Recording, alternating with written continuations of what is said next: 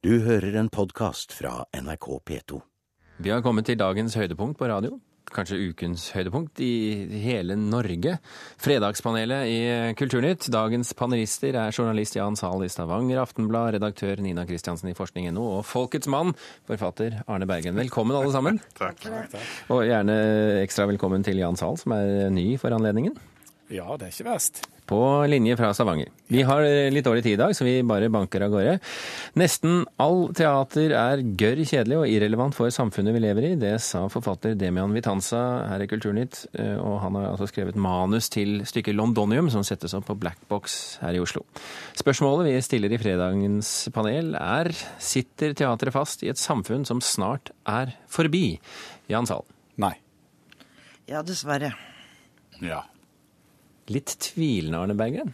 Ja, men jeg ser Det er øh, Teatret er De har ikke Jeg mener, det er, det er steindødt å gå i teatret. Det er, det er musealt, men det er klart at øh, det skjer spennende ting også. I skjæringspunktet mellom andre uttrykk og sånn, så, så skjer det jo mye spennende i teatret. Men hele institusjonen, hele måten man tenker på, øh, er veldig gammelt. Det er ikke, det er ikke veldig sexy for opphavsmenn lenger.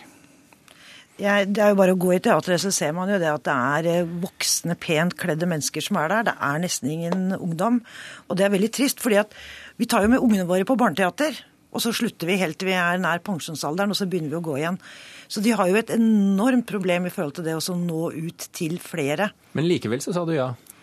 Ja, altså jeg tror jo på teatret. Jeg liker jo teatret. Men, men det er klart at de har, har, en kjempejobb å gjøre i forhold til å komme seg mer ut, da. Så det er et kritisk ja. Herr Zahl i Stavanger. Jeg lurer litt på noen teater de i Oslo driver og går på. For uh, i Stavanger så er køene enorme både for å gå på teater og for å få lov å være med og spille i teateret. Og de har òg nådd nye grupper og yngre folk, men det har de jo altså jobbet veldig bevisst med og fått uh, stykker som appellerer til unge folk. Som, som kulturjournalist i, i Stavangers største avis, vil du si at dere har en bra teaterscene? Ja, vi har en veldig bra teaterscene. Det viste seg jo nå når de nominerte til Hedda-priser og delte ut priser i fjor, så var Rogaland Teater veldig godt representert. Og til og med et teater i Haugesund. Sånn at her er det langt ute i provinsen, faktisk off-Broadway, veldig mye interessant som skjer på teaterscenen. Utelukker du, Bergen, at det er vi i Oslo som er kjedelige og mette? Og... Nei, Jan Svala har helt rett. Jeg, det, han har helt rett når jeg tenker meg om. Det er gørrkjedelig i Oslo. Det er rett og slett det. Er rett og slett det. Jeg vet at det skjer mye spennende i Rogaland. Ja, det er bra. Det er bra. Det er mening om det. Er, er, det så kort forklart at det er geografiske forskjeller og that's it? Ja, jeg tror at det, det, hvis du liksom spaserer ned fra Ullevål Hageby hver dag og driver teater og setter opp musikaler og dritt, det er, det er, jeg tror det er luft og det er geografiske hensyn. Ja, men, men, men, men vil, vil, vil, du høre hvorfor jeg sa nei? For det, det hørtes ut som et samfunn skulle være forbi. Hva det betyr? Altså, Hva for et samfunn er det som er forbi? Teateret har jo blitt utfordra av sånne nye unge stemmer som han Vitanza som har uttalt dette. Det har de jo alltid gjort. Alltid vært noen som kjemper seg plass inn og driver med fadermording. Det har de holdt på med i teater i noen tusen år, og det kommer de til å fortsette med. Sånn at samfunnet er ikke forbi, og teater er ikke forbi. Kristiansen, kort til slutt. Hvordan er teaterscenen i ditt hjemfylke Buskerud? Der er det Drammens teater, det er veldig bra.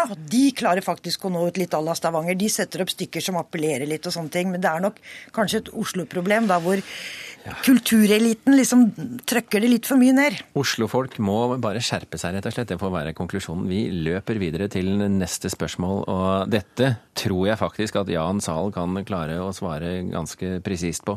For denne uken rant begeret over for en av journalistene i Stavanger Aftenblad. Han hadde fått nok av at avishus bruker masse av sine journalistiske ressurser på å skrive om ting som skjer på TV. Og det fikk han til å stille spørsmål som jeg også stiller her i Fredagspanelet. Er journalistikk om det som skjer på TV, journalistikk fra den virkelige verden, Kristiansen? Ja. Berggren? Ja.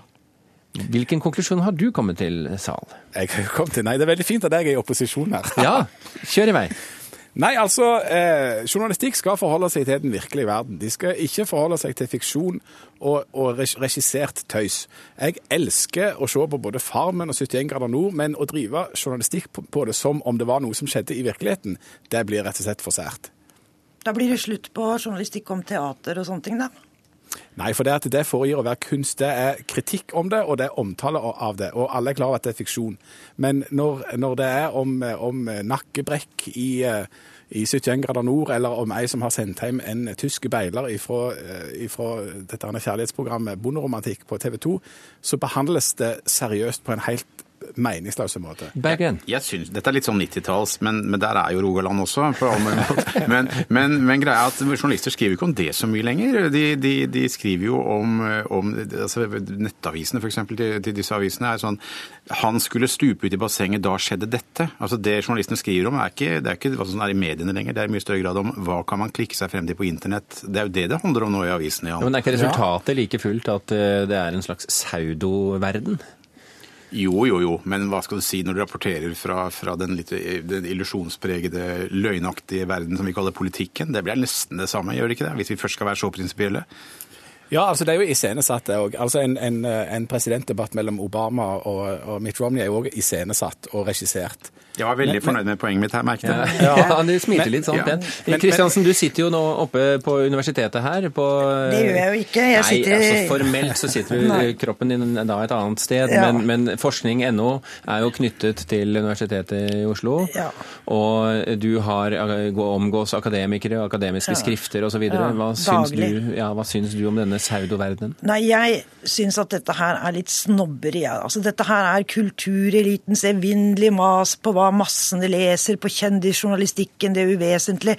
Det er ikke noe vanskelig å være enig med det. Jeg vil jo at egentlig alle folk skal drive med vesentlige ting, særlig journalister. Jeg vil at alle folk skal sitte dagen lang og lese forskning.no.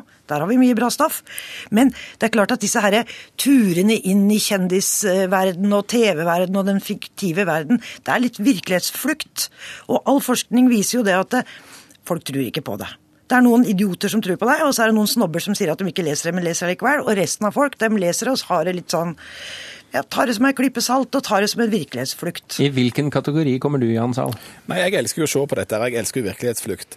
Eh, Det eneste som, som jeg syns er problemet her, det er at når, når det blir kutta så kolossalt i eh, journalister i Norge for tida, så er det synd at de som blir igjen, holder på med noe som ikke var det som journalister skulle holde på med. Sånn at alle er egentlig glad her. Eh, De som får klikk er glad, annonsørene er glad, folk er glad, eh, publikum er glad. Men det eneste som taper, er journalistikk. Ja, men Det er derfor vi kutter, det er derfor vi kutter før det er uvesentlig det dere skriver. Altså, det, er, det er noen sirkler her i, da. Ja, det er så. Og så plutselig at hvem sin feil er det at det er så mye sånn stoff? Er det, liksom, er det leserne som faktisk leser det? Er det redaktørene som mm, bestemmer at det skal stå der? Er det eierne eller annonsørene?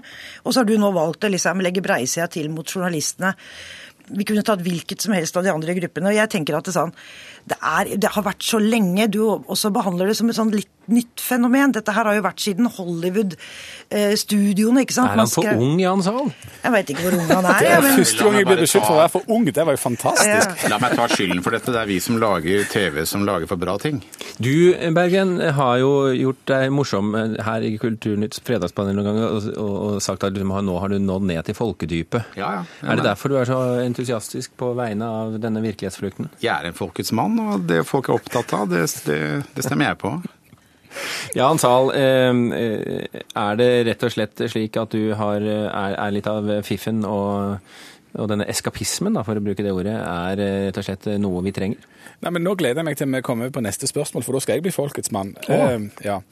Men eh, ja, så jeg, jeg eh, Det er mulig at jeg er litt eh, ikke folkets mann her nå, men det skal jeg bli øyeblikk. Ja, ja. Men det er, det er jo slik at vi journalister vi følger jo bare kappen etter vinden, eller hva det heter. Du, og så har jeg, jeg har vært og funnet fram litt forskning, da. ikke sant? da må du være rask. Ja, En studie fra MIT viser faktisk at den type journalistikk kan ha en bra helseeffekt. Folk lærer om helse av kjendisjournalistikk. Fordi at disse forteller jo veldig mye om sykdommer og sånne ting. ikke sant? Og så får, eh, er det gode historier som folk lærer av. Og dette kommer jo fra MIT, så da er det Da er det sant, vet du. Utmerket. Eh, Vi har allerede eh, forespeilet oss at det er et spørsmål til, og det kommer her. Eh, Publikum med gratis sponsorbilletter kan ikke oppføre seg på klassiske konserter, det mener kritikere.